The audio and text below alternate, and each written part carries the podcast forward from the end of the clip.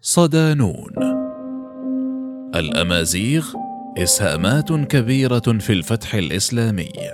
مقال لعائد عميرة ضمن ملف حكايا شعوب.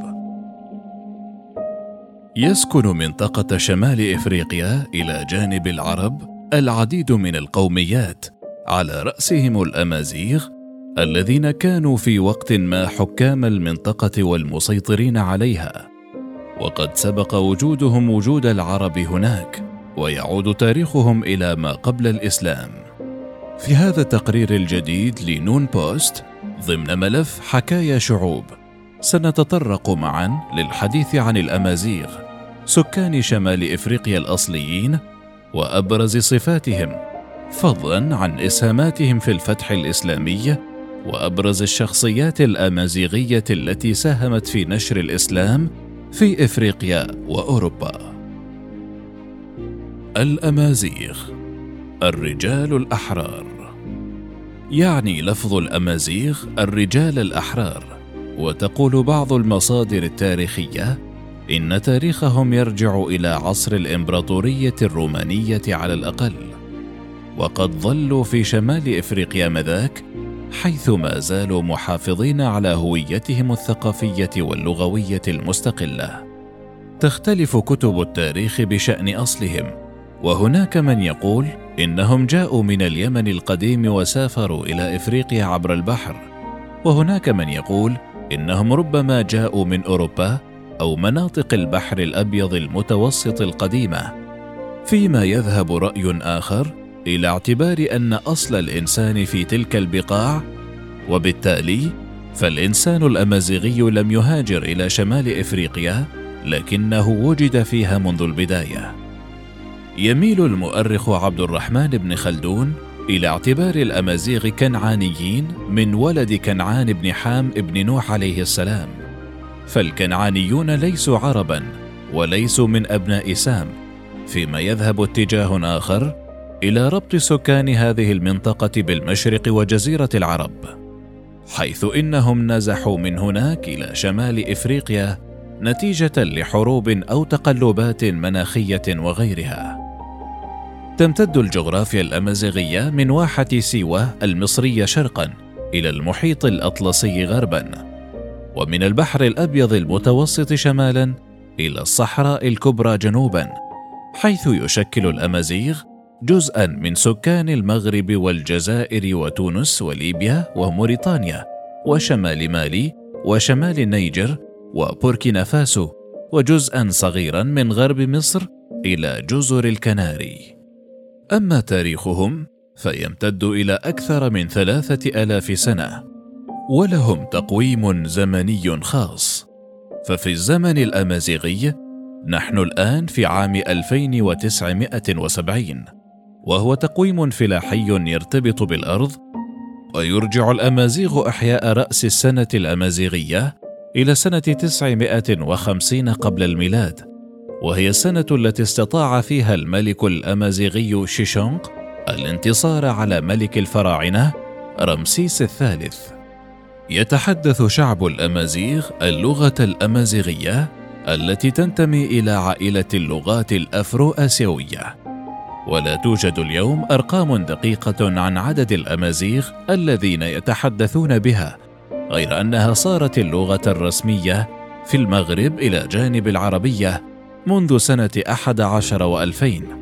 كما يقر الدستور الجزائري الجديد المنتظر إجراء استفتاء عليه بداية الشهر القادم بأن اللغة الأمازيغية لغة رسمية في البلاد.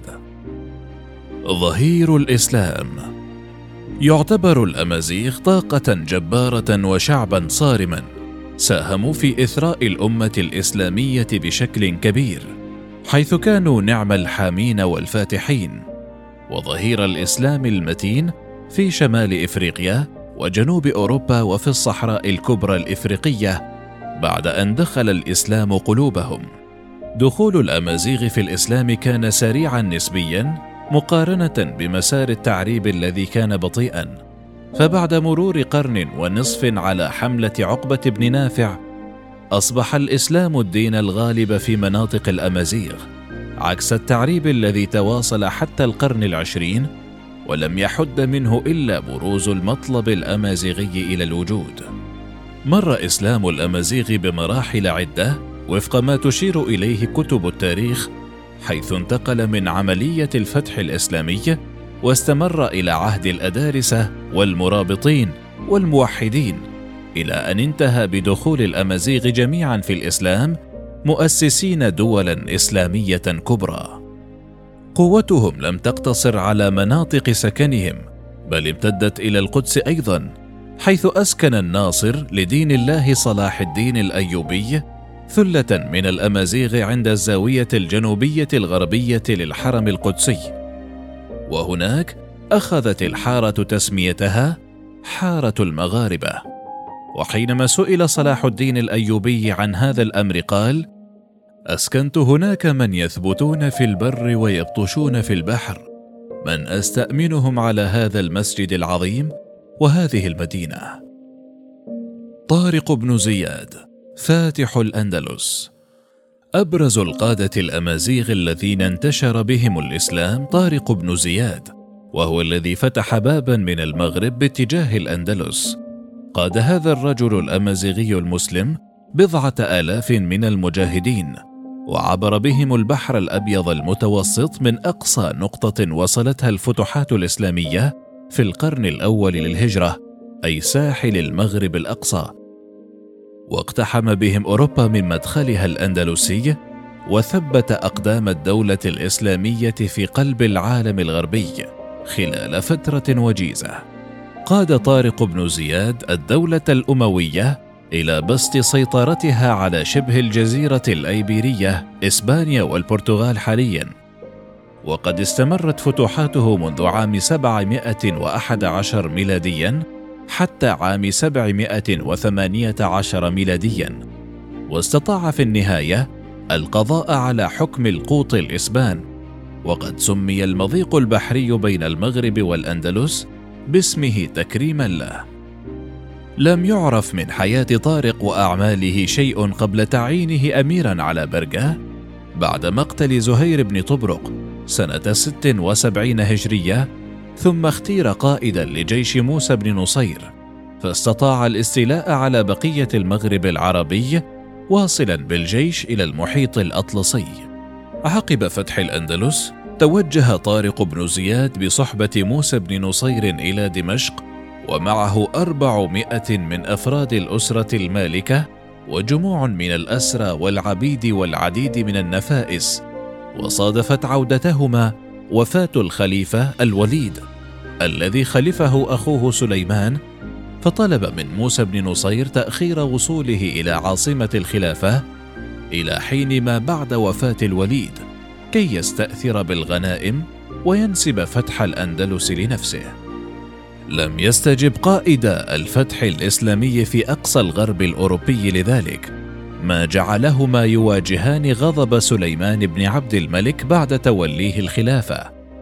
وقد انقطعت أخبار القائد بن زياد إثر وصوله إلى دمشق واضطربت أقوال المؤرخين في نهايته بين قتله ونفيه والقول إنه تحول إلى رجل فقير وتائه في دروب الشام غير أن الراجح أنه لم يول عملا بعد ذلك.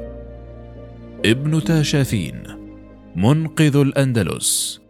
ولد من رحم القبائل الأمازيغية تحت خيام الصحراء القائد يوسف بن تاشافين الذي لبى نداء ملوك الطوائف وأدرك الأندلس من الضياع وأوقف التوغل الصليبي فيها. ويعتبر ابن تاشافين أهم أمراء دولة المرابطين وأقواهم شوكة وأطولهم فترة وأخلدهم في ذاكرة التاريخ. وقد كان أول من حمل لقب أمير المسلمين ولم يشأ أن ينازع العباسيين سلطانهم فترك لهم لقب أمير المؤمنين. يقول الإمام الذهبي في سير أعلام النبلاء كان ابن تشافين كثير العفو مقربا للعلماء وكان أسمر نحيفا خفيف اللحية دقيق الصوت سائسا حازما. أما ابن الأثير فيصفه في كتابه الكامل في التاريخ بأنه كان حليما كريما دينا خيرا يحب أهل العلم والدين ويحكمهم في بلاده ويبالغ في إكرام العلماء والوقوف عند إشارتهم. وكان إذا وعظه أحدهم خشع عند استماع الموعظة ولان قلبه لها وظهر ذلك عليه. وكان يحب العفو والصفح عن الذنوب العظام. امتد حكمه إلى فجاج كبيرة من جبال الريف المغربي والربوع والمناطق الصحراوية العتيقة. ووصل إلى طنجة ثم فاس ودخلت في مملكته كل بلاد موريتانيا الحالية وأجزاء من السنغال وقطاعات واسعة من المملكة المغربية حالية وأجزاء كبيرة من الجزائر. بداية القرن العاشر.